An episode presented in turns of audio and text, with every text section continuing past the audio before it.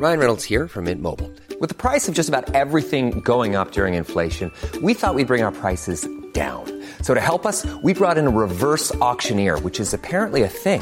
Mint Mobile unlimited premium wireless. Ready to get 30, 30, bit to get 30, bit to get 20, 20, 20, bit to get 20, 20, bit to get 15, 15, 15, 15 just 15 bucks a month. So, Give it a try at mintmobile.com slash switch. $45 upfront for three months plus taxes and fees. Promo for new customers for limited time. Unlimited more than 40 gigabytes per month. Slows. Full terms at mintmobile.com. I'm Sandra, and I'm just the professional your small business was looking for. But you didn't hire me because you didn't use LinkedIn jobs. LinkedIn has professionals you can't find anywhere else, including those who aren't actively looking for a new job but might be open to the perfect role, like me. In a given month, over 70% of LinkedIn users don't visit other leading job sites. So if you're not looking on LinkedIn, you'll miss out on great candidates like Sandra. Start hiring professionals like a professional. Post your free job on linkedin.com/people today. Hey there, it's Michelle Norris. I'm host of a podcast called Your Mama's Kitchen. When I travel, I'm usually looking for a way to find a taste of home when I'm not at home. And one of the things I love to do when I am at home is entertain. And Airbnb allows me to do that. When I was in California recently, I rented a house that had a great kitchen. And when we were sitting around the table, we're all thinking, we're in someone else's house. Someone could be in all of our homes as well. If you have a home, but you're not always at home, you have an Airbnb. Your home might be worth more than you think. Find out how much at airbnb.com/slash host. Så, varmt välkomna till ett nytt avsnitt av Duo SSL. Eh, ett gästavsnitt eh, dagen till ära och eh, som ni kanske har förstått av titeln så har vi en kille från Storvreta med oss idag. Han sitter till och med i en Storvreta IBK-tröja här. Eh, riktigt snyggt planerat. Otto Weiman, eh, välkommen till Duo SSL. Tack så jättemycket. Det var roligt att bli inbjuden. Ja, det är, tycker jag att både jag och Gustav tycker att det var, det är på tiden att vi har med dig i podden faktiskt, tror jag. Ja, ja, absolut. Och en etablerad eh, stjärna får man ju säga, trots att du är relativt ung. Eller vad skulle du själv svara på det? Ja, det, det var snällt sagt. Jag brukar själv skoja om att jag har lite åldersnoja för jag fyller 26 i år. Eh, vilket betyder att man ska ju vara snart som bäst, höll jag på att säga. Men eh, jag, jag hoppas att jag fortfarande är eh, lite, lite ung och har lite ungt blod kvar i kroppen. Det hoppas jag. Ja, du är ju mitt uppe i det. Det måste vara lite märkligt så här, den åldern så här. Du är varken kanske ung, men du är inte heller gammal liksom. Det måste ju vara lite... Jag förstår om det blir svårt med identiteten kanske.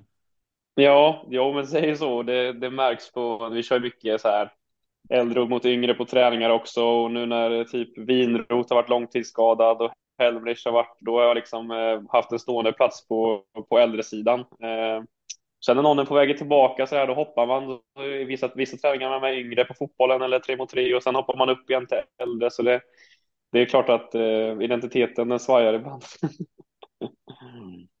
Men om man jämför med, jämför man med liksom ligan i stort så, så ser jag mig ändå som liksom, eh, ja, jag har många år kvar i mig såklart, det tycker jag. Och eh, jag upplever ju själv att jag är fortfarande formbar sådär. Det, det kan man ju tala för vid mitt positionsbyte också, så, så det, jag känner mig ung.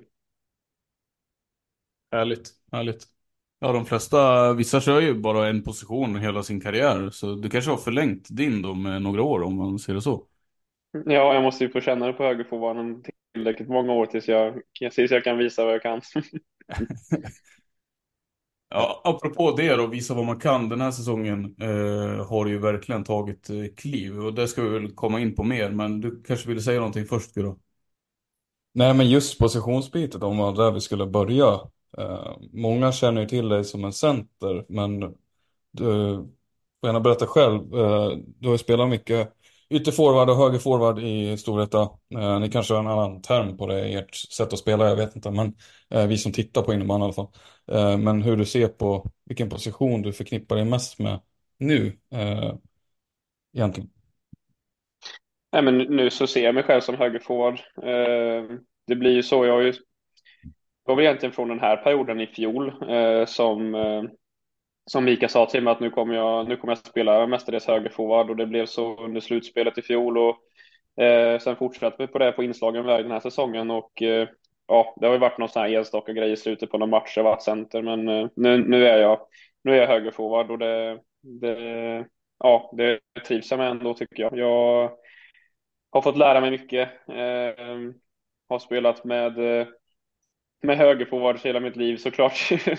Annars hade det varit konstigt om man inte spelade med en högerforward. Men eh, så man, man vet väl själv vad man tyckte man, man behövde för högerforward som man var center liksom. Så man, eh, sen i fjol hade jag Stefansson och, och liksom lära mig av och jag har haft eh, eh Jönköpingstiden hade jag Rickard Hessmer att lära mig av och sådär. Så det, det finns mycket att och, och fortfarande lära mig och sådär. Men jag, jag, jag är högerforward. Jag måste ju säga att det är två riktiga måltjuvar du tar upp som exempel också, så som du har haft att lära dig av. Det är, men det kanske inte främst, det är inte riktigt den spelstilen du har dock, eh, eller? Nej, jag kanske inte riktigt där är liksom eh, Stefanssons typen som står och slår in returer. Eh, sen, så är, sen är det ju fina mål att göra också och jag har väl gjort några sådana men eh, jag, jag eh, vill ju vara mer kanske en, eh, en högerforward som är inblandad i spelet mycket mer. Eh, sen blir det ju vissa matcher så, så blir man lite isolerad eh, och minnet är färskt här mot Växjö nu senast så vart det en sån match där kanske vi, eh, ja, vi har lite problem att liksom få ner bollen och, och inblanda mig i spelet och då, eh, då håller man sig mycket framför, framför mål och i sista tredjedelen och sådär. Så det, det beror ju lite match till match och så.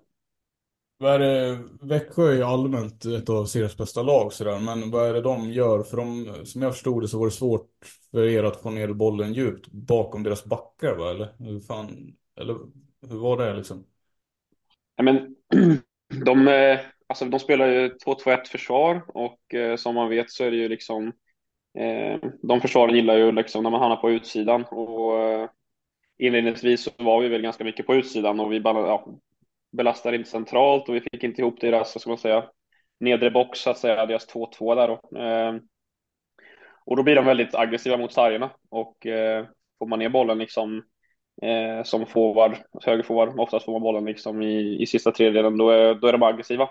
Och eh, ja, då blir det kanske mer att man spelar på backarna och man kanske spelar ner fickan och vänder upp den igen och bollen kommer sällan ner och då blir det ju upp till mig som eh, som högerforward liksom och komma in i matcherna bättre och komma upp och kanske byta plats med våran center eller så vidare. Men eh, ja, de, eh, de är väldigt, de spelar, de spelar ett bra försvar och det är lurigt för man, man upplever samtidigt att de har en topp som är på att jaga väldigt mycket på backarna, men samtidigt så har de våra backar då, men samtidigt deras backar ganska låga, så de blir ett ganska långt lag. Så det, man får väl lära sig lite där och, och utnyttja det bättre. Är det ett av de svåraste lagen du tycker? Tycker att möta SSL eller finns det lag som är ännu jobbigare att möta? Vad skulle du säga där? Eh, du tänker just försvarsmässigt eller? Ja, precis. Ja, det blir ju försvarsmässigt så blir det ju liksom eh, eh, de topplagen som är i ligan liksom, som är väl bäst på att försvara. Eh, men absolut det jobbigaste och svåraste försvaret att möta det är oss själva. Alltså när vi spelar fem mot fem på träning är ju så jäkla tråkigt. För vi, eh, vi spelar ju så, ja, så det är väldigt bra försvar men det är samtidigt jag förstår att många tycker att det är tråkigt att möta oss alltså. Det försöker jag. Ja, det har blivit lite en defensiv prägel på Storvreta sen eh, Mika kom in som tränare. Ja, eh, han säger det att det, det håller jag med om, liksom, att det, det är försvaren som vinner, som vinner titlar och eh, det är det som kommer göra så att vi blir svårslagna i slutspel. Och, eh, så det, ja, det är försvaret först. Vi brukar säga det, det är försvaret först, andra och tredje och sen plats liksom. Sen kommer anfallsspelet och prioriterar man inte så eh, då, då hamnar man i antingen på längre ner i startlistan eller på bänken liksom. Så det, det är det som gäller. Jag har också sett, eh, och där är väl du och Filip Eriksson bland annat rätt starka, hela laget är väl starka på det, men jag menar ni har väl utnyttjat det väldigt bra också när ni ligger så rätt i försvaret, att ni kan vända och straffa motståndarna när de gör misstag också. Där är ju ni ganska farliga måste man ju säga, framförallt du och Filip tänker jag. Ja, kontringsspelet eh, har ju varit väldigt viktigt för oss och eh, det, det tog nog lite tid där för att och liksom hitta, eh, vanligtvis när man liksom har ett väldigt tydligt spelsystem med siffror, alltså nummer och siffror och sådär, så vet man ju tydligt var spelar vi bollen när vi vinner en, en boll liksom. Hur kontrar vi på de här? Eh, och inledningsvis så var det väl lite så här, men vi kan hamna lite olika positioner på bakre trean oftast och ibland vi forwards också om vi hänger med lite i våra man-man situationer. Eh, men med tiden så har det, har det kommit till oss att vi liksom, eh, ja, vi har hittat lösningar på det sättet ändå eh, utan att ha de här tydliga kontringsmönstren. Liksom, så det har blivit väldigt nyttigt för oss och ja, Fille är otroligt snabb spelare och väldigt spelskicklig i fart och det när det blir kontring då, då, då är han inte rolig att möta med bollen. Så är det. Det är bara för dig att hänga på på andra sidan.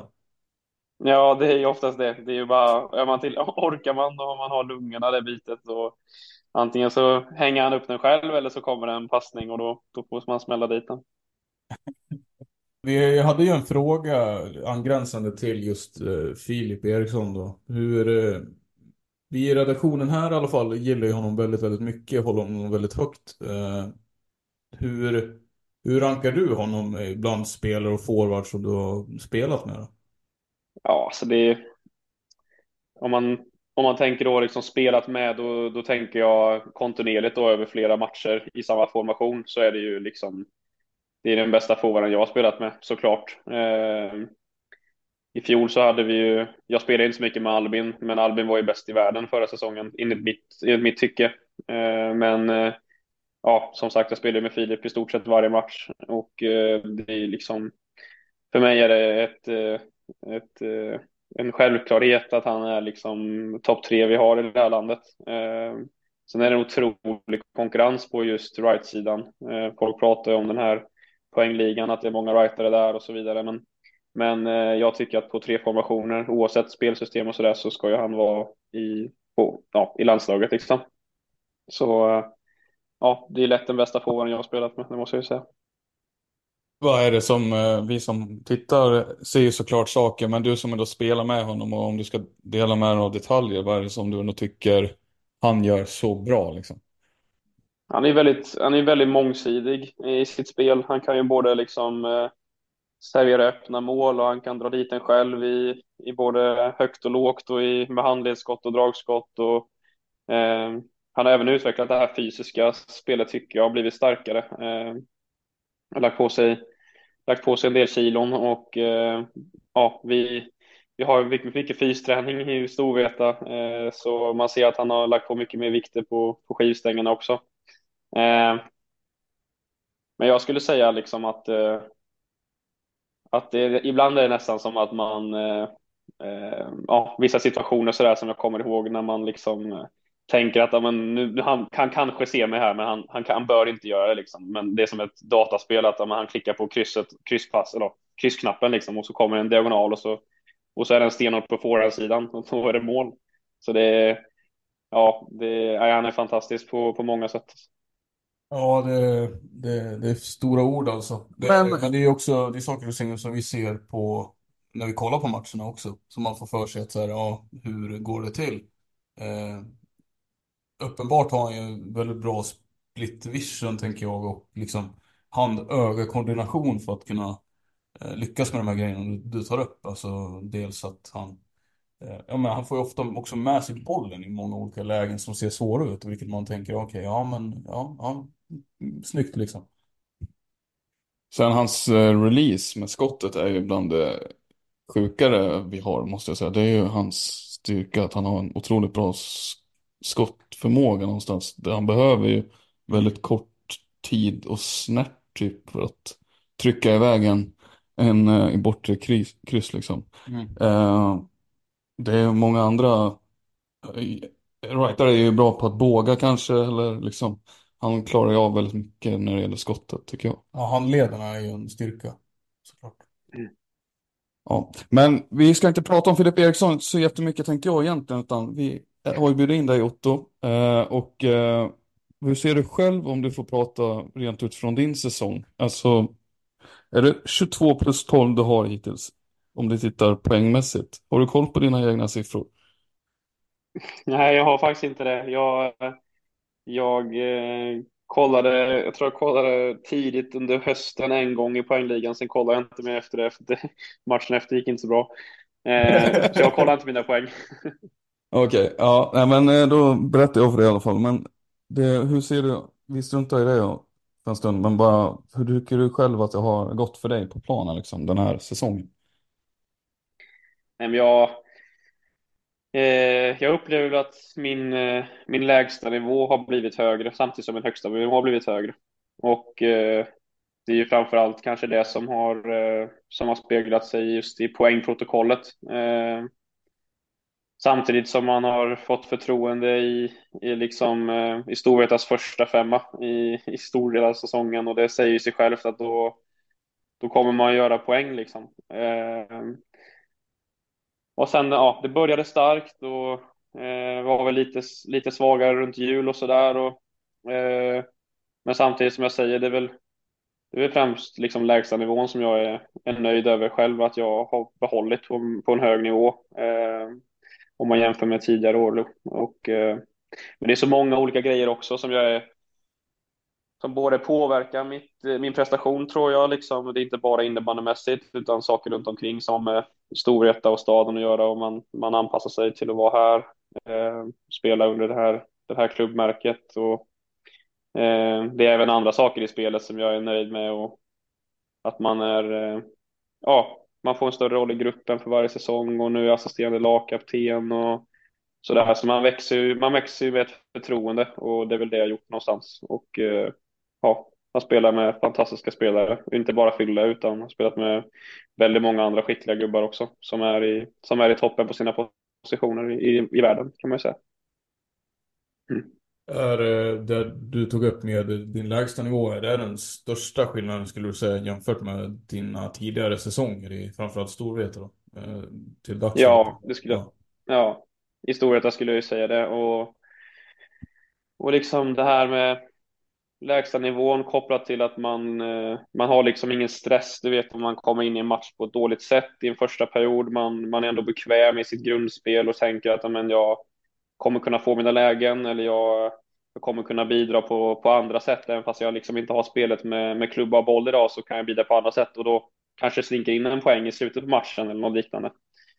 Så jag tror jag har blivit väldigt mycket mer bekvämare i liksom hela hela situationerna när man liksom spelar i Storvreta som förening, för man ska inte underskatta liksom eh, det är, det är någon väldig skillnad upplevde jag i alla fall att gå från en, en lägre SSL-rankad klubb och komma till Storvreta och liksom den pressen som är från utifrån och från sig själv som vi liksom och folk tänker att man ska vara, eh, man ska komma etta i SSL, man ska vinna SM-guld annars är det ju dåligt liksom. Ja, berätta för oss som inte har gjort det steget själva och som bara tittar på SSL egentligen, eh, från Jönköping som du säger till Storvreta, vad är det, hur märker du att eh, den skillnaden egentligen? Um, alltså det, det största, den största motståndaren man har är egentligen sig själv ju, eh, i alla situationer och eh, det är väl det mentala man, man, eh, man tänker ju väldigt mycket liksom, eh, inledningsvis gjorde jag i alla fall. Ehm, vad, man ifrågasätter sig själv när det går dåligt. När det går bra så tänker man så mycket, då kör man på flowet. Och, eh, det, är, det är folk som tycker och tänker och, och, så vidare och så vidare. Men jag, jag har lärt mig väldigt mycket under bara tre år och det är väl de största lärdomarna är väl egentligen att inte kolla sociala medier, inte läsa saker och tyvärr inte lyssna på några poddar heller, inte er och inga konkurrenter till er. Eh, inte liksom eh, ta åt sig eller sånt och eh, Även att eh, ja, men, inte vara så hård mot sig själv har också kommit. Och eh, nummer tre är liksom det här med att man eh, eh, ja, man ska inte undersöka och ta hjälp och prata om liksom hur, hur man tänker och, och hur det psykologiska fungerar i huvudet. Eh, det, har, eh, det har varit en, en väldig lärdom liksom att lyfta saker när man kanske tycker att saker går dåligt eller sådär. Eh, det finns många andra som upplever samma sak i framförallt eh, den här föreningen i Storvreta upplever jag eh, som är liksom öppna med att det, ibland kan det vara psykologiskt tungt att liksom spela i en, i en klubb där man ska ha press på sig och leverera. men är det mycket inre att det kommer från en själv känner du då? Eller är det ändå yttre faktorer som trycker på just med att det skrivs eller pratas eller vad skulle du säga? Jag tänker tongångar från föreningsmedlemmar. Tänker Ja, ja du tänker att det kan vara. Eller? folk på kansliet? Ja, exakt. Nej, de, de är alltid snälla. De skulle aldrig säga att man är dålig. Men eh, nej, men det är alltså. Det är klart att ingen från föreningen har liksom stått och sagt till mig att jag är, är dålig, men eh, man, eh, man, ja, man vet bara att det, det finns krav där man ska vinna liksom. Man ska spela historia, då ska du vinna varje år, du ska vinna varje match och Ehm, det är väl det som någonstans eh, ja, blir det mentala svåra. Men jag har lärt mig att, och liksom inte tänka på det på så sätt utan istället vilka möjligheter man har och vilka förutsättningar man har för att lyckas och eh, kollar, kollar liksom inför, inför matcherna vilka man sitter bredvid i omklädningsrummet så ser man att amen, går man in i den här tävlingsmodet och liksom kopplar bort allt, allt annat så, så kommer vi vinna de här matcherna om alla levererar på sin nivå. Eh, men eh, mina inledning, alltså den här säsongen då så har jag inte riktigt haft de här psykologiska liksom, tankarna och sådär som jag haft tidigare säsonger. Men då har det ju mest varit från, från en själv liksom. Eftersom jag, inte, jag har inte läst och inte lyssnat på något annat ja, de senaste tiden. Men är det en trygghet när du sitter i omklädningsrummet och du vet alltså att eh, gör bara vi där vi ska så kommer vi vinna? Eller blir det snart, menar du att det också blir en press? Att det kan... Nej, det, det skulle jag säga en, det skulle jag säga är en trygghet. Alltså, vi, det kan ju låta kaxigt och, och liksom, eh, man kan låta självgod, men, men ja, det är så vi, det är så vi ser på det. Och ehm, liksom med vårt grundspel och med de kvaliteter vi har så, så tycker vi att vi ska vinna de matcher som vi spelar liksom om vi kommer upp i vår nivå och i alla fall har väldigt god chans att göra det kan man ju säga. Och lämnas vi liksom till är vi inom ett mål eh, med sista tio kvar så har vi en väldigt bra möjlighet att ta poäng. Eh, eller det kan vara två eller tre mål också för den delen. Men liksom, man, vi har en, väldigt, en bra, väldigt bra trygghet i laget. Eh, vi hade det i fjol och vi har det i år också.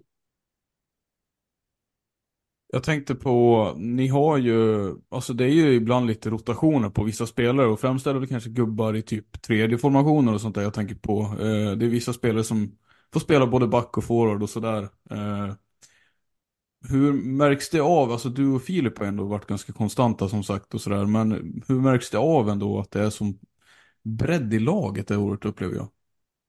Märks det av att det är en ja. konkurrens eller?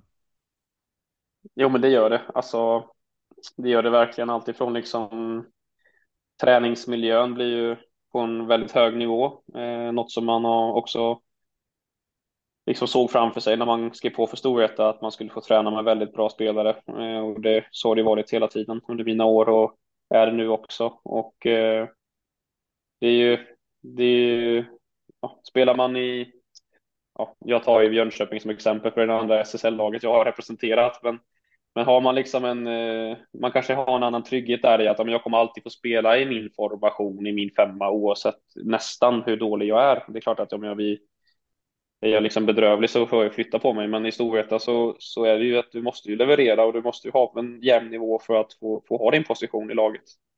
Och det är ju sånt som kommer utveckla oss på sikt. Eh, och sen har alltså ja, allting grundar sig i att vi, vi gör allt för att liksom vinna och vi har pressen på oss att vi ska vinna varje match och varje säsong och det gör ju att våran tränare spelar ju alltid de som är som är hetast och eh, ja, dagsformen styr, eh, en veckoform kan styra.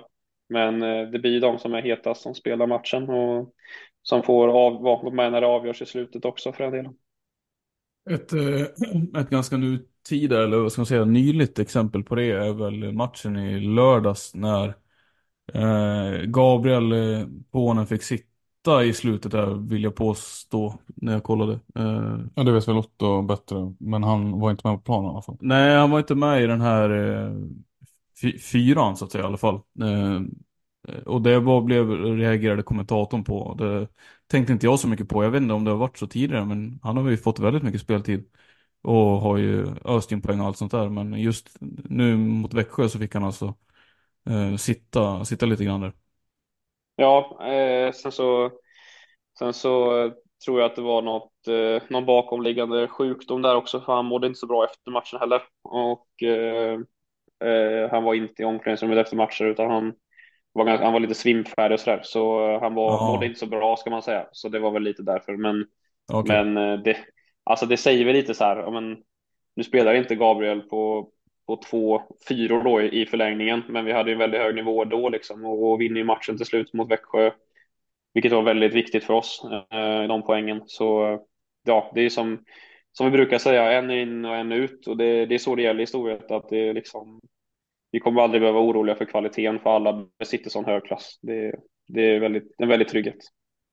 Eh, nu vidrörde Samme lite det här namnet och det, när vi sitter med dig här så det- vore det ändå kul att få någon omdöme från dig som har spelat i SSL så länge ändå trots att du fortfarande är så relativt ung liksom. Men, men hur ser du på hans eh, säsong hittills? Har vi pratat tillräckligt om honom? Eh, eller går det att prata ännu mer om honom? Eller har vi pratat för mycket? Ja, exakt. Nej, det... Eh, ja, jag tycker att man, eh, jag tycker att man har, har pratat precis så mycket som, som han förtjänar. Alltså, det, han, han gör sig förtjänt av allt han gör på plan och eh, man ska varken man ska varken ge honom mer eller mer, mindre. Liksom. Han, han, han låter spelet tala och det, det känns som en sån kille och det är en sån kille. Liksom. Han kommer alltid eh, han kommer alltid vara där och vilja vara där. Eh, han, känner, han är en riktig tävlingsmänniska. Han vill vara liksom, när det händer så vill han, så vill han synas, han vill avgöra. Eh, och det kommer han liksom under alla sina år. Han kommer spela så många otroligt många SSL-säsonger och han kommer vara, jag hoppas och tror han kommer vara Gabriel hela, hela karriären liksom. Eh, men det är en, ja, det är en, eh, en exceptionell innebandyspelare. Det är bara att kolla på hur han har tagit den här ligan med, med stormen liksom och eh, ja, det ser ut som att han har spelat väldigt många fler säsonger än bara vad är det nu? snart en hel grundserie liksom. Så det, nej, han är grym.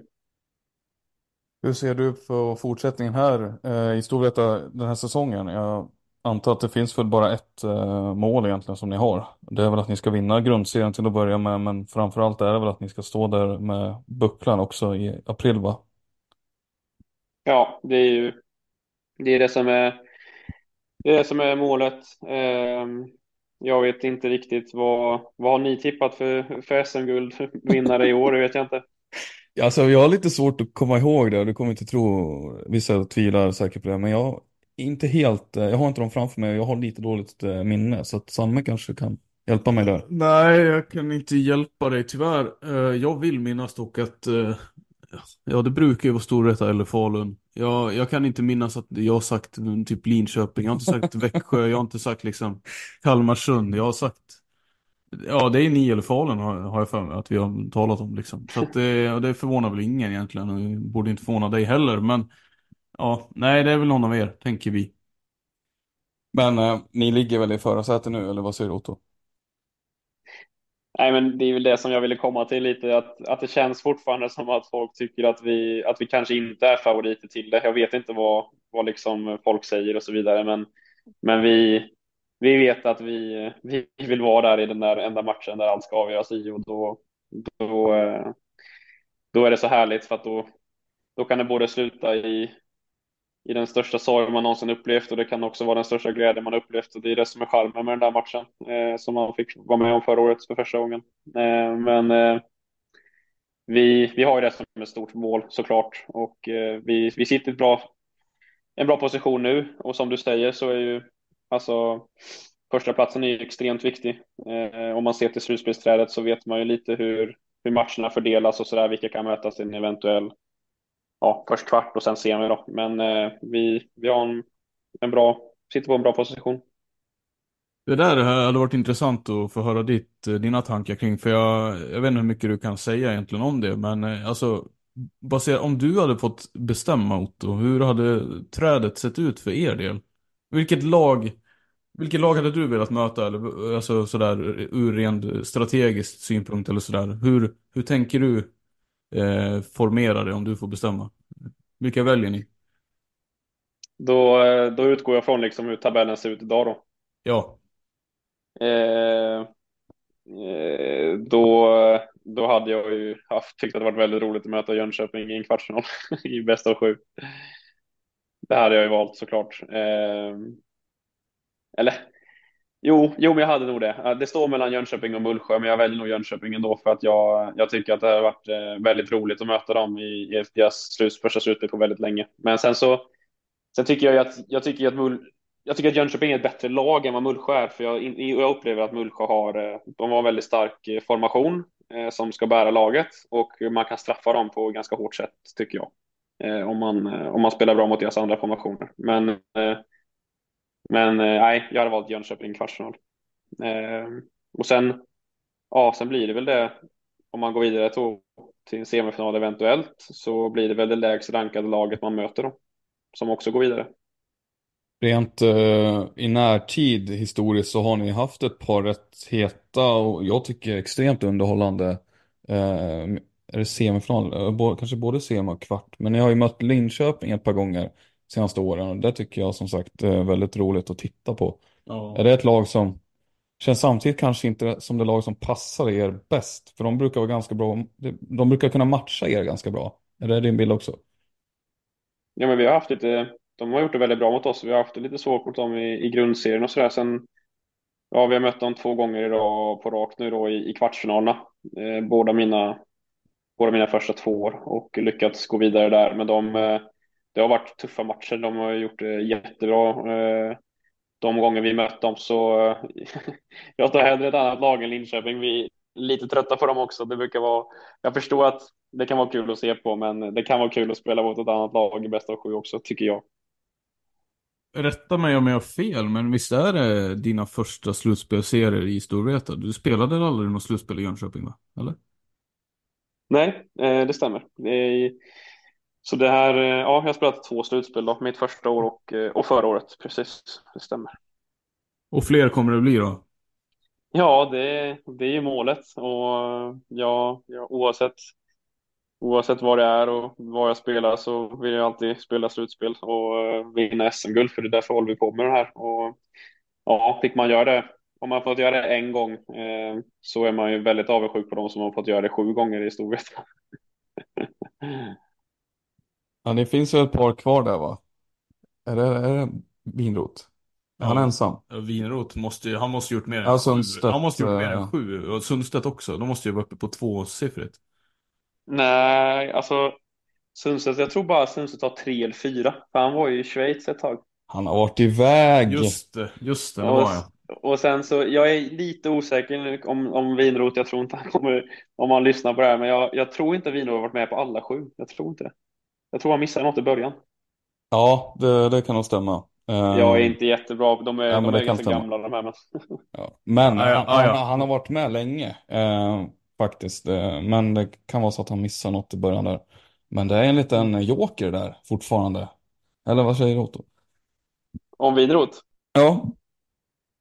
Ja, men vi, alltså Winroth är en, eh, en, en väldigt, eh, väldigt eh, klok innebandyspelare som man brukar säga. Men och en väldigt viktig spelare för Storvretas, både omklädningsrum och på planen. Men så vi saknar honom och vi hoppas att han, att han kommer tillbaka så fort som möjligt. Han gjorde ju mål förra SM-finalen, det säger väl allt liksom. Just det, just det. Men jag, jag känner inte riktigt att vi har fokuserat tillräckligt på andra lag här. Utan vi, vi, jag frågar om slutspelsträd och sådär. Ser du liksom, är det, är det bara stor, Storvreta du ser liksom i finalen där? Men det måste ju finnas en motståndare såklart också. Vilka, vilka motståndare tror du det blir då? Nu har ni ändå mött alla lag typ två gånger. Um, alltså först och främst så, så kommer det bli, ja, vi får ju utgå från att vi går i final om, om det är frågan liksom, men det är ju otroligt tuffa och jämna semifinaler om man kollar på förra året och så där så är ju, kommer ju stå och väga på vilken, alltså sista matchen säkert. Du men, behöver inte vara, Otto, du behöver inte vara ödmjuk nu. Nej, men eh, jag, jag tror ändå att eh, jag tror ändå att Falun eh, står i, i finalen också. De, de är de är bra, de har rutin, de har eh, också lite så här extra morötter i att vissa ska göra sina sista säsonger och sådär och man, man gärna vill vinna för dem. Så jag, jag tror de kommer stå i finalen. Det tror jag. Det är ett tråkigt svar, men... Eh, mm. Såklart inte fel. Alltså, ja, de, nej, de, det är säkert inte fel, men de, de lär väl möta då Växjö kanske, om det går som, som att de hamnar två och tre, så möter de Växjö i semifinal. Och då tror jag Falun eh, drar längre strået. Men från de lagen Samme så finns det ju, var du inne på Jönköping lite grann. Eh, Otto, en klubb som du representerade, det är väl den du har representerat längst va? Rätta mig om jag I'm Sandra and I'm just the professional your small business was looking for. But you didn't hire me because you didn't use LinkedIn jobs. LinkedIn has professionals you can't find anywhere else, including those who aren't actively looking for a new job but might be open to the perfect role, like me. In a given month, over 70% of LinkedIn users don't visit other leading job sites. So if you're not looking on LinkedIn, you'll miss out on great candidates like Sandra. Start hiring professionals like a professional. Post your free job on linkedin.com/people today. Hey there, it's Michelle Norris. I'm host of a podcast called Your Mama's Kitchen. When I travel, I'm usually looking for a way to find a taste of home when I'm not at home. And one of the things I love to do when I am at home is entertain. And Airbnb allows me to do that. When I was in California recently, I rented a house that had a great kitchen. And when we were sitting around the table, we're all thinking, we're in someone else's house. Someone could be in all of our homes as well. If you have a home, but you're not always at home, you have an Airbnb. Your home might be worth more than you think. Find out how much at airbnb.com slash host.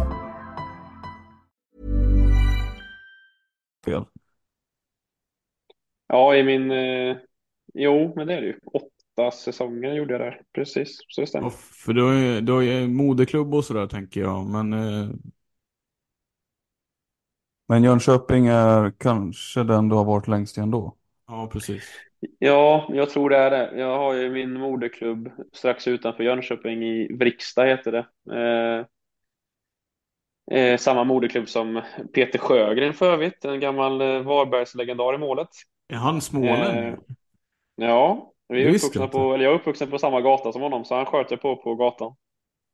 Aj, aj, aj. Eh, sen, sen drog han till Varberg, men eh, jag tror inte jag gjorde, för vi flyttade sen när mina föräldrar fick, eh, fick ärva mina, en, en familjegård uppe i Katrineholm, så då flyttade vi till Katrineholm när jag var tio då, så det, det blev inte så många säsonger ändå i moderklubben. Men eh, så Jönköping är det den klubb jag representerat längst. Så är det. Är det lite, hur, hur känner du kring Jönköping idag? Är det varma känslor där? Alltså vad tänker du när du, hur, du, hur din tid är helt enkelt? Nej, alltså det, ja, jag flyttade dit när jag var, var 15 år. Eh, jag började, jag gick med någon som var ett år äldre i skolan, så jag, jag liksom eh, skulle ju egentligen börja årskurs 9, men flyttade dit för, för årskurs 1 på gymnasiet. Och, ja, jag har väldigt varma känslor för många, för många innebandyrelaterade människor i Jönköping. Eh, många runt omkring som hjälpte mig otroligt mycket när jag var en väldigt liten och ung kille. Eh, och eh, hade, hade det otroligt bra där nere eh, på alla sätt och vis eh, med vänner och med skola och med innebandyn och sådär. Så ja, fick ju uppleva mycket, mycket framgång på juniorsidan med den föreningen och ja, till sist så, så skildes vi vägar och då var det också goda, goda känslor. Så det, Ja, det, jag, brukar, jag brukar inte kolla på så mycket innebandy hemma faktiskt, men om det är någon match jag ska se så är det typ en, en match när Jönköping spelar kanske. För då, då vill man gärna att de, att de, ja, jag tycker det är kul att de ska få spela slutspel förhoppningsvis. Är det lite lättare för dig att ha de här känslorna tror du? Eh, eller mer naturligt att ha de känslorna när det är, som du själv var inne på tidigare, att det är ett lägre rankat lag och har varit det ganska länge liksom? Jo, det, det ligger nog mycket i det. Alltså, jag ser inte dem som våra största konkurrenter i Storvreta eh, från det här hållet. Eh, och eh, alltså jag har ju, ja, jag skulle säga att jag har väldigt starka känslor för Storvreta också som förening. Även fast det är en väldigt stor förening kan det upplevas, så är den väldigt familjär också. Alltså, man känner allt och alla och det är väldigt många som är runt omkring och sådär. Så det, ja, jag älskar den här klubben minst lika mycket som Jönköping, men eh, som jag gjorde då. Eh, Men det det är nog betydligt lättare för att det inte är största konkurrenten. Hur bra kompis är du med Emil Nilsson nu för tiden?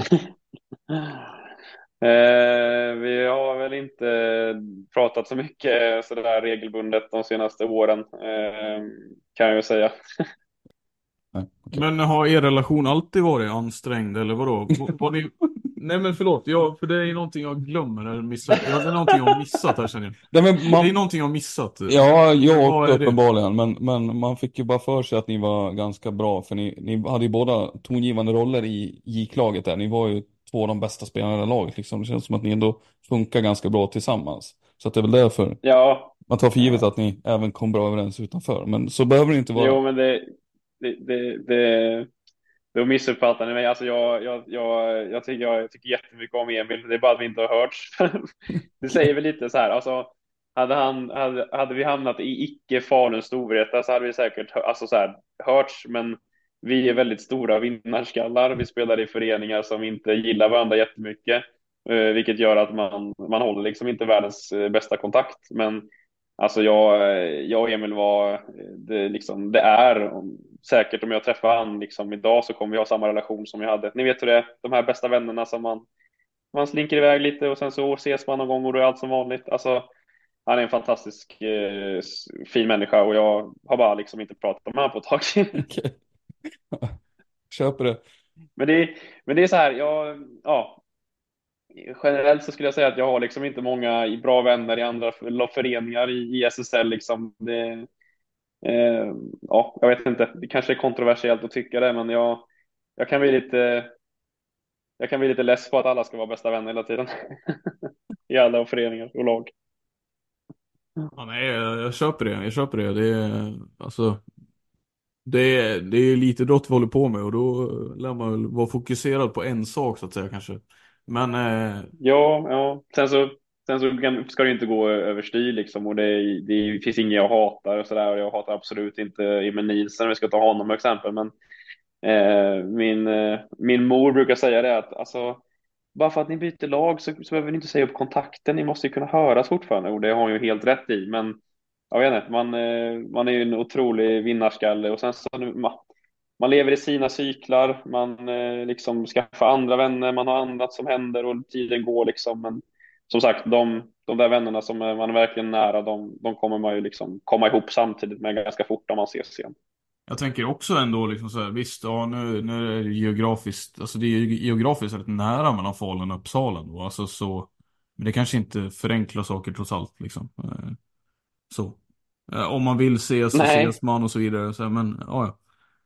Nej, nej, det är klart man, eh, man kan lösa. Jag vet inte vad det tar, det tar väl två, två timmar, två och en halv timme till Falun kanske. Men ja, alltså, man är ju. Det känns som att jag knappt har tid att hänga med mina studiekompisar i Uppsala eh, för att man håller bara på med innebandy hela tiden liksom. Men eh, ja, det är klart att man, man hade lätt kunnat träffa vänner som man både har i. Man har ju både vänner i Jönköping och man har ju Emil i Falun och det alltså sådär så det. Men det, det går åt mycket tid till annat. Berätta gärna om det vid sidan av innebandy. Du sa du pluggar i Uppsala, eller? Berätta lite mer, vad gör Ja, du? jag, jag började plugga när jag flyttade till, till Uppsala. Eh, så jag avslutar mitt tredje år nu till sommaren och jag pluggar till jag pluggar till någonting som heter jägmästare. Eh, ett lätt så ovanligt yrke och rätt så ovanlig utbildning, men man blir eh, man blir expert inom eh, skog, skogliga frågor, naturfrågor, men det är väl ett gammalt uttryck för de som var experter på, på skogliga frågor. Så jag är lite lagd, ja, in- intresserad och sånt. Du gillar att vara ute i naturen helt enkelt.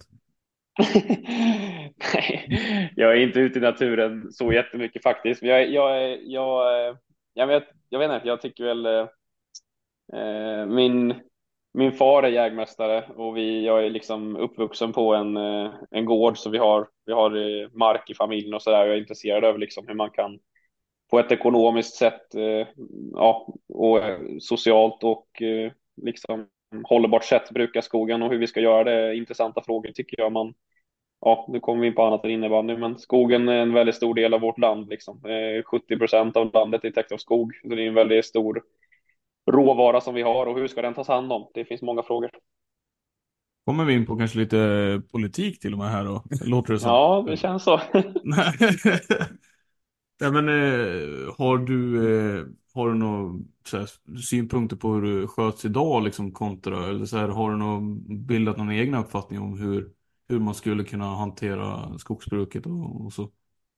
Nej, jag har ingen, eh, jag har ingen, eh, ingen liksom dålig syn på hur det sköts idag. Alltså jag, ja, ska vi prata om sånt? Jag är väl lite mer, jag är väl ganska traditionell av sig. Alltså jag tycker att eh, en markägare, en skogsägare ska få ska bruka skogen efter de lagar och regler som finns. Men jag tycker att han inte ska vara begränsad på något sätt eh, utifrån något annat. Eh men eh, eh, ja, jag skulle säga att jag, jag är ganska traditionell i mitt sätt att se på skogen och dess brukande. Mm. Mm. Ja, vi kan, vi kan släppa det. Det är trots allt en podd. Det är också frågor som du och jag har väldigt lite kunskap om skulle jag vilja påstå. Ja, ja men jag, jag vill ändå påstå att jag har en halv fot inne där. När jag pluggade upp i Umeå så fanns det ju många jägmästare runt omkring där som sprang uh, på SLU. Eh, Exakt. Och vi käkade alltid på deras kårhus ibland, eller inte alltid, men på torsdagar käkade vi på deras kårhus. Mm. var det pannkakor och så drack man öl. Så det, är, det är goda minnen ändå måste jag säga. I min eh, kontakt med eh, skogsbruk, eh, skogsbruksstudenter eller vad man nu ska kalla dem. ja. Ja, men det, det låter som en bra erfarenhet ändå. Det, ja, det, ja. jag kan tänka mig att det var trevligt. Var det fläsk och ärtsoppa och grejer då också eller var det bara pannkakor? Ja, det var nog mer, mest pannkakor faktiskt. Du, du, du som känner mig vet att jag inte gillar ärtsoppa särskilt mycket. Ja, så är det. Mm, så är det. Men eh, lika mycket öl blir det kanske inte för dig Otto i Uppsala eller? Nej, det blir lite mindre av det faktiskt. Eh, sen så kan man dricka alkoholfria alternativ också eller så kan man inte dricka någonting och ändå vara med och hänga. Men eh, nej, det blir inte så mycket alkoholhaltig öl eh, i veckorna. Men det finns ju, det är en väldigt trevlig stad på så sätt att det är nationer och det är 55 000 studenter som är här och rör på sig så det är väldigt livligt och eh, ja, en rörlig och levande stad, vilket jag, vilket jag väldigt eh, uppskattar väldigt mycket och tycker att det är väldigt trevligt. Rätta mig om jag har fel, men visst ligger IFU, ligger inte det lite utanför stadskärnan va? Eller? Ja. Jo men det stämmer, det ligger ut mot en stadsdel som heter Gränby. Eh, sen så är det ju, alltså Uppsala är ganska litet man, alltså sett till befolkningen bor på en ganska liten yta. Eh, så det, tar ganska, det går ganska fort att ta sig till IFU, men det ligger lite utanför stan. Okej, okay, okej. Okay. Det, det, var det, det jag tänkte på, liksom, hur man ta sig om det är via bil, liksom, eller om man cyklar överallt. För det känns ju, det känns annars som en rätt uh, stark cykelstad. Ja, det, den, den närmsta parallellen jag kan dra till det är väl Oskar Enqvist i vårt lag som han pluggar på samma universitet som jag på SLU då eh, som ligger söder om Uppsala och han han cyklar från stan till SLU varje morgon och sen från SLU till IFU som ligger på andra sidan stan varje dag. Eh, och sen cyklar han hem därifrån. Liksom. Han kör cykel överallt medan jag då sitter i bilen och kör samma rutt. Och vem, frågan är vem av er som tycker att den andra är den största idioten? ja, jag tror att det är jag som tycker det, ska jag säga.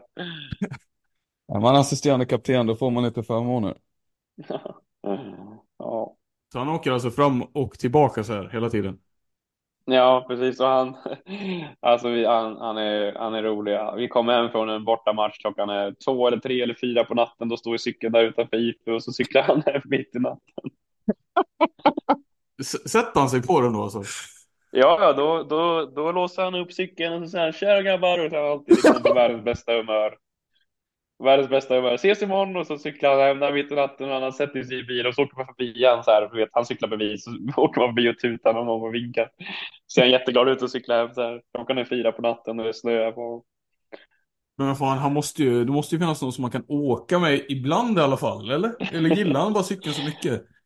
Ja, han, han, jag vet inte, han gillar den här cykeln så himla mycket och han, eh, han liksom har tagit sig till, till samlingen på något sätt och då har han cyklat så då måste han få hem cykeln igen. Och, nej, han, eh, han har gjort det. Jag tror inte han har gjort det till en grej utan det bara är så. Han är sån, Han är sån. Han är sån han är. Han ska cykla.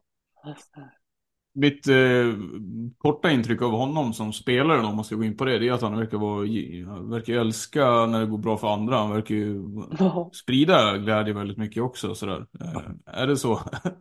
Ja, han är en otroligt ödmjuk och, och, och omtänksam kille. Alltså det, gör du mål så står han ju längst fram där med, med klubban och gör helikoptern i luften så här och välkomnar en när man ska, när man ska köra high five liksom. Så det, ja, han, eh, ja, det har väl sagts som det, men, men eh, vi brukar fråga det, kan du aldrig vara på dåligt humör? Man blir liksom blir irriterad på honom för att han alltid är glad.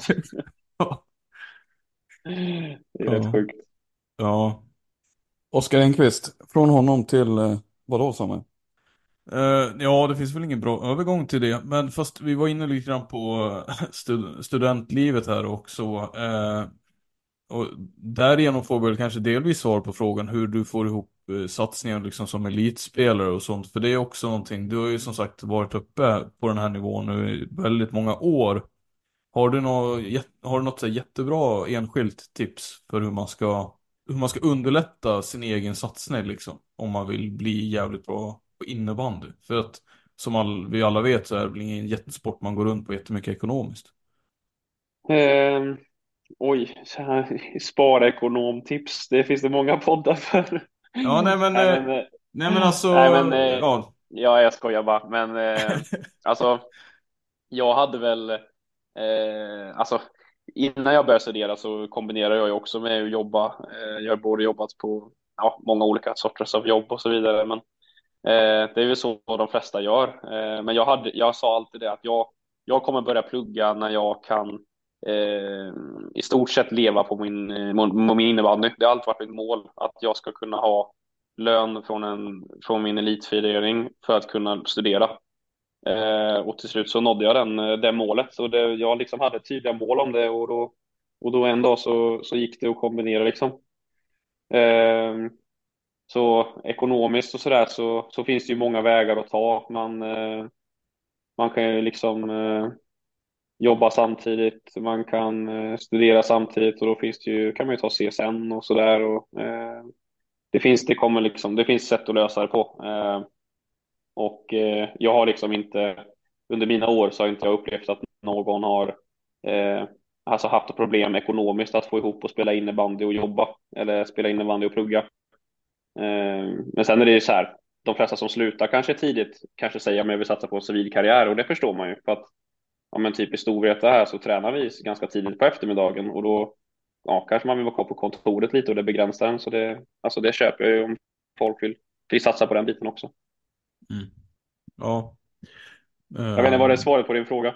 Ja, det var ett, det var ett bra svar. Eh, Det var det. Det kanske var en eh, konstig fråga att ställa delvis, men eh, det var ett bra svar. Men det är väl också så uppenbart eh, från min sida att man måste väl tänka innebandyn i första rummet och så får man bygga sitt liv utifrån det. Det är svårt att Ja, bygga, vill du sätta det civila först, ja men då, då måste du göra det och då, då är det väldigt ofta så att du kan du inte hålla på med SSL innebandy om du 100% ska, eller? Nej, det blir svårt att göra båda sakerna på samma sätt, tänker vi. Ja, 100% liksom. Ja alltså det kräver ju väldigt mycket av en att göra det. Sen så finns det exempel på folk som klarar av det också och det är ju, alltså det är det som är, eh, jag tycker ju att eh, innebandyspelare får för lite cred för det. Man ser oss ofta bara som liksom idrottare, men många har ju ett så himla stort ansvar vid sidan av innebandyn också. Det kan vara familjer, det kan vara plugg eller jobb, men ofta så har man ju ett jobb och spela innebandy och folk vill att man ska prestera på jobbet lika mycket som man ska göra när man kommer till innebandyhallen. Men det, är lätt, det, är alltså, det glöms lätt bort att, att vi, är, vi är människor och liksom ena dagen så kanske man har haft det skitjobbigt på sin civila liksom, arbetsplats och sen kommer man till elitidrottsplatsen och ska ändå vara bäst. Liksom. Eh, ja, vi har, många, vi har många spelare i mitt lag och eh, kanske en specifik som, eh, som är lyckats väldigt bra i det civila och jobbar stenhårt i det civila liksom, men ändå är på varje träning i tid och gör det jättebra. Men då jobbar han ju efter träningen, eh, liksom när han kommer hem vid, vid sex. Eh, och då, det är ju så som du säger, ska man man får liksom prioritera lite och hur länge det är värt det, ja det är ju upp till varje människa liksom. Men eh, vi sätter ju innebandyn i, i, i första rummet och det är liksom så här, det är typ ett kriterie för att, för att kunna lyckas tror jag och, och spela i Storvreta. Ja men där förväntar vi oss att alla, alla här, vi sätter innebandyn i första rummet eh, och sen så när du inte gör det längre då, då finns det liksom, då är det okej, okay, då, då får man säga det och så får man ju lägga klubban på hyllan eller, eller byta lag liksom. Är det också en skillnad kanske som man ser det på jämfört med andra föreningar i SSL liksom att där kravställningen kanske är lite inte riktigt lika hög att det är kanske enklare att ta innebandyn eh, om du förstår i andra hand än i första hand snarare. Ja, men man hoppas ju att man vill ju gärna att, alltså, att det ska vara så att alla liksom brinner för innebandyn på samma sätt som jag gör eller många andra i mitt lag liksom och att de andra föreningarna och spelarna i de föreningarna också gör det för då en dag så kommer vi vara på en, en jättehög nivå liksom och eh, sen så ja, det är ju väldigt stora stora grejer sådär som påverkar. Folk behöver jobba för att få det att gå runt också liksom. Det, ja, alla föreningar Eh, jag menar, det, det skiljer sig i löner och så vidare. Liksom. Man behöver jobba och så vidare, eller studera. Men eh, man hoppas ju att många, eller de flesta, vill sätta innebandyn i första rummet. Men jag har full respekt för de som inte kan det, för man måste jobba. Liksom. Eller du kanske inte får ihop det annars. Och så är det ju. Liksom. Men i och med att den idrotten vi håller på med. Men jag, jag brukar tänka på det att, och folk jag pratar med, så här, att man, man glömmer lätt bort att det vi har ju liksom väldigt, vi har ju två ansvarsområden som innebandyspelare. Vi ska både vara där och vi ska vara på jobbet. Det är liksom, det är någonting man ofta glömmer bort och det, jag tycker att det är hedrande till de som lyckas. Ja, det är väl bara att hålla med såklart. Det, det är inte så mycket annat att säga om det. Den ståndpunkten. Jag menar, ni, ni hade ju suttit här och tyckt att, alla, att jag var skit om jag hade varit dålig, men ni vet ju inte. Alltså så här, ni, folk kommer ju kritisera oss även fast vi liksom är dåliga på innebandy men bra på jobbet. Alltså så är det Jo, jo, precis. Flesta, ja. Ja, nej men det, det är ju innebandyn i första hand man tittar på, men det är ja, givetvis, det, alltså, det är lite också så här, it goes without saying, vad, vi som verkar inom innebandyns värld vet ju också eh, förutsättningarna för er som tävlar på den yttersta nivån ändå liksom. Mm. Vet ju att det, det är så mycket annat som man brottas med liksom. Det är inte det är inga NHL-löner liksom där man kan lägga undan, man kan spela en säsong och sen kan man då klara sig rätt så länge och, och så. Nej, och det, uh, det, det, är något helt annat. Nej, nej precis. precis. Det, det, leder in på något helt annat samtalsämne som jag inte vet om vi ska ta nu. Men det, det fanns en grej som Niklas Nordén sa ju när han var rätt ny som förbundskapten och det var ju det här med att han var inne på den biten att svenska spelare kanske måste göra ett mentalitetsskifte. Alltså att börja se på sig själva mer som innebandyspelare än något annat för att man ska få fram bättre spelare liksom. Eller sådär, för att mm. landslaget ska bli bättre. Och jag förstod mm. inte riktigt vad han menade, för jag tänkte att så här, ja, men det gör väl ändå de flesta, även om det finns de som glider runt liksom. Men ja, jag vet inte om du tycker att han har eller hade en poäng där Otto, utifrån vad du har sett. Nej, men jag kan, jag kan förstå vad han menar. Jag tycker nog att han har en poäng. Alltså, eh, det handlar väl om att, jag, som jag tolkar den, så tror jag att han menar att om, en, om det går längre ner i leden bland lagen, liksom att även, även att alla lag, 12 eller var det 14 i SSL och även alla andra lag i Allsvenskan ser sig själva som innebandyspelare så kommer vi höja nivån i längden på sikt. Liksom. Och det kommer, klubbarna kommer höjas, föreningarna kommer höjas, det kommer ställas högre krav. Så ja, alltså jag, jag tycker att han har poäng i det, det köper jag. Eh, men, eh, men eh, i, alltså i mitt omklädningsrum idag på eftermiddagsträning, då är ju alla där ser sig själva som innebandyspelare. Det är ju bara, alltså det är, så enkelt är det ju. Alla där är ju innebandy från morgon till kväll. Ja, ja. Eh, intressant eh, diskussion. Har, mm. Vad leder oss in på här då? Vad tänker du? Nej men jag var nyfiken rent eh, på vad som ändå har format och tagit dig dit du ändå tagit dig Otto i ett av världens bästa innebandylag och du har en så tongivande roll i det här laget du ändå tagit dig. Det går ju typ, alltså du har tagit så högt man kan komma i princip ja, inom, inom innebandyn, måste man ju säga. Uh, minus, är, minus landslag då? Ja, det är väl kanske en liten punkt som du, ja, och det kanske vi kan prata mer om, men, men uh, du har ändå tagit så långt. Vad är det som du ser har möjliggjort den resan du har haft liksom? Eh, jag skulle säga att det är liksom, man, är, man har tydliga mål och man är, man är dedikerad till, eh, till att liksom eh, lägga sin, eh, sin merparten av sin tid till innebandyn och man, man är beredd liksom att, att missa, eh, missa juldagar, man missar påskafton, man missar andra högtider för att liksom gå på de här och spela de här matcherna. Man tycker att det liksom är kul och eh, ja, jag tror att det, det är liksom en målmedvetenhet, det är ett engagemang och ett, ett driv liksom och viljan att, viljan att lyckas. Och sen är det olika, olika vad som driver en eh, till, att, till att lyckas, men jag har väl haft eh, jag har väl haft en ganska så stor eh, och fin liksom, tändvätska i att eh, eh, ja, vara lite kritiserad och sådär i förr i tiden, eller ja, kanske är det nu också, men eh, och liksom vilja motbevisa folk har, väl, har jag brunnit ganska mycket för. Eh, så på senaste, senaste liksom, säsongerna. Sådär. Men det är jag nyfiken att höra mer på, för jag, min personliga åsikt, eh, vi är ju ungefär jämngamla kan jag avslöja för lyssnarna. Eh, du är något år yngre, men Eh, jag har ändå följt dig hyfsat distans under din juniortid och sett dig lite i Allsvenskan, bland annat med GIK när du var uh, ung och ni gick väldigt bra i junioråldern där och tog flera medaljer. Uh, jag har ju bara sett att det här är ju en uh, ruggig, sett en ruggig potential och en talang hos dig. Vad, när du säger att du har fått kritik, eller kritik, men att du har fått, att du har känt att du var tvungen att motbevisa folk. Vad är det för, liksom, vad kommer det ifrån? Att, vart har du snappat upp det någonstans?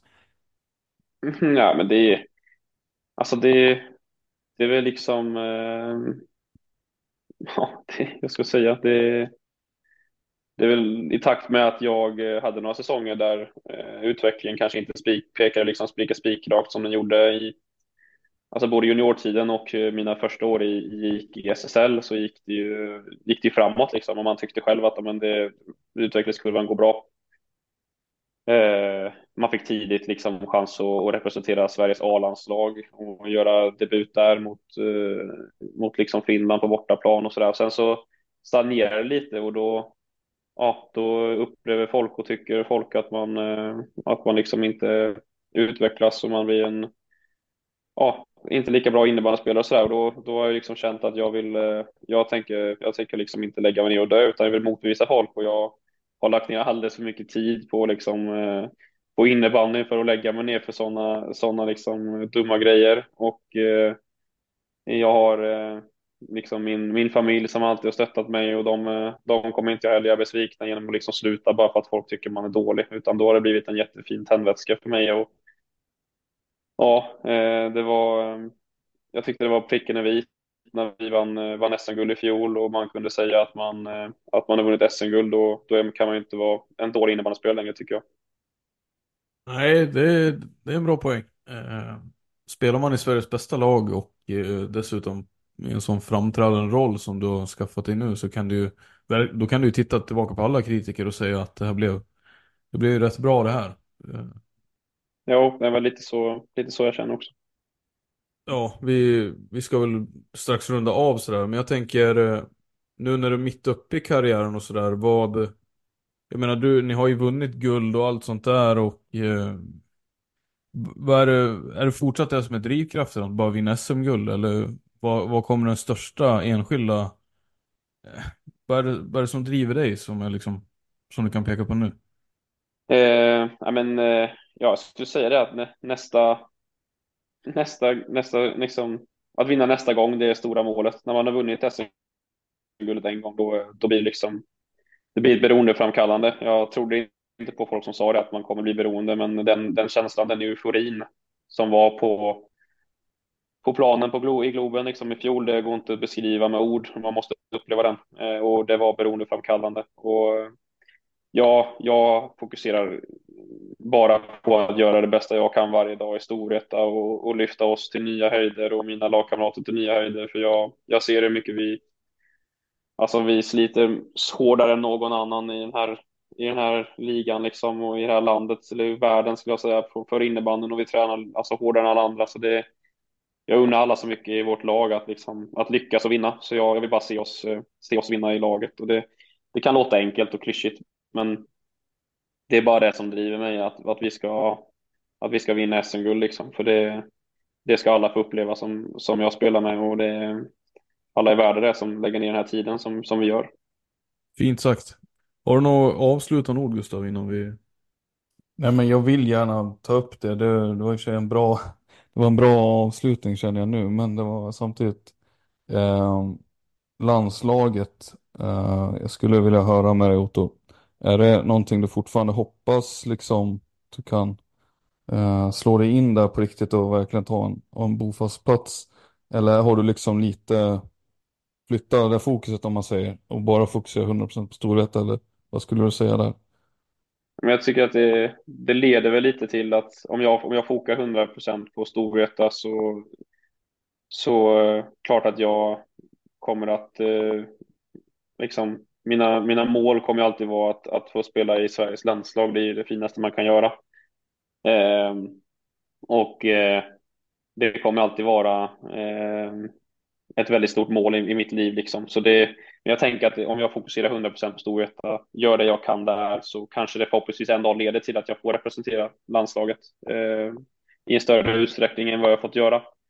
Eh, men eh, jag vill samtidigt säga att jag har en, en väldigt stor respekt för att eh, de har liksom vunnit VM-guld två år i rad eh, med en ganska tydlig liksom, stomme på ett landslag. Så jag, jag liksom tycker att eh, de har hittat en väldigt rätta, liksom, miljö, ja, rätta sätt för att vinna VM-guld och då kanske man inte vill ta in och liksom rubba och sådär. Så det, jag, eh, jag tycker att de ska fortsätta precis på de idéerna de har och blir jag, blir jag uppringd och blir jag kallad så är det klart att jag kommer och det, det är klart att jag tänker på det. Men, men eh, ja, jag kommer komma dit genom att alltid fokusera på storheten. Så är det. Låter ju väldigt eh, klokt och noga övervägt eh, faktiskt. Eh, bra balanserat svar. Jag ska bara sagt så här att ni är helt olika spelartyper, du och han, men jag är inte helt hundra på att Kevin Haglund är en bättre högerforward än vad du är. Nej, vad ska jag svara på det? Nej. Nej men eh, han, han, eh, jo men han, eh, han har ju, han har ju vunnit VM-guld och han har ju, han har ju en eh, spelstil som är, eh, som vi inte har så många utav i den här sporten. Så alltså som sagt, jag, jag liksom, eh, jag har den största respekt för att det blir så jäkla tråkiga svar, men det, det är lite så jag är kanske. Men jag, jag tycker verkligen så att det är så att de, de har vunnit VM-guld två år i rad och jag har jättestor respekt för att de, alltså det var Sverige, för många år var det Sverige inte hade vunnit på innan det. Det var ganska många år eller? Ja, var... och, så, och så tar de tillbaka det. Mm. Ja, ja, tar de tillbaka det i Finland liksom. Så det, jag har stor respekt för dem och Kevin Haglund har, har liksom varit med och bidragit till det och, och fyller en väldigt bra roll i det laget. Så, eh, ja, det, de vinner och jag, jag är glad så länge Sverige vinner för jag, jag, jag hejar på Sverige i alla, alla sporter. ja, underbart. Fick vi avsluta med det också. Eh, jag hoppades starta någonting där mellan dig och Haglund, men ja, ja. Det får bli... Du är en liten troll, trollsamme som sitter i podd, poddar och... Ja, är det någon som kan ta det så är det väl Haglund tänker jag också. Eh, han kan väl... Jo, han hade säkert kunnat eh, skratta åt det och tycka att det var roligt, men eh, ja. ja, jag vet inte. Det, vi är ju lika gamla också, så det är, det är lite roligt på så sätt. Men... Ja, men precis. Jag tänker ni, ni har säkert följts åt ganska bra. Eh, Ja, i- det kan man säga. Han, eh, jag spelade i Katrineholm i, i Sörmland och han spelade i Tälje så här i pojklagsserie. Vi har mötts i liksom pojkar 11, 12, 13, 14, 15. Liksom, vi har mötts i jättemånga gånger. Så det, jag vet Ja. precis vem han är. Och, eh, så vi har, vi har verkligen tampats. Ja. Det är två vinnarskallar eller? ja, det skulle jag säga att det är. Och, eh, men vi båda gör väl det, vi gör väl bra i våra klubblag liksom. Så det är vinnarskallarna som oftast behövs. Mm. Mm. Det är så man når framgång med tillräckligt många sådana. Vet inte om han gör det längre, men han eh, väldigt nyligen så satt han väl och drack cola i utvisningsbåset. Är det någonting som du också gör Otto? Nej, nej. Och jag tycker att jag är ganska sällan i utvisningsbåset måste jag säga. Men eh, nej, det blir ingen cola. Nej. Eh, det är bra. Du har lite mer disciplin än vår eh, kära kompis Kevin Haglund. Eh, han gör mycket fint på Mm. planen, men han har suttit en del i utvisningsbåset också. Eh, och där, med det sagt så tänkte jag tacka Otto framförallt här för att han har varit med i det här avsnittet och varit så ödmjuk och velat prata kring sig själv och kring Storvreta och lite annat också. Eh, och tack till de som då har lyssnat på detta förhoppningsvis. Stort tack ska ni ha. Ni, ni vet ju var ni hittar eh, podden och eh, det är väl bara att gå in och följa och fortsätta lyssna. Ja. Så ska vi, vi satsar ju vidare mot eh, säsongsavslutningen och slutspelet här. Vi gör ju det och, och tyckte man att det här var roligt att lyssna på, eh, vilket man borde göra, eh, lyssna på Otto då menar jag, så får man gärna lämna en eh, tumme eller hur är det man nu betygsätter oss? Är det en stjärna eller vad gör man? Om man stjärns, stjärnsätter podden på Spotify, ja. Precis. Jag, jag vet inte hur det är på andra ljudplattformar, men Spotify fungerar ju på det sättet. Så är det. Eller så skickar vi DM till DuSSL på Insta, där är du stark. Där är jag stark. Där jobbar vi.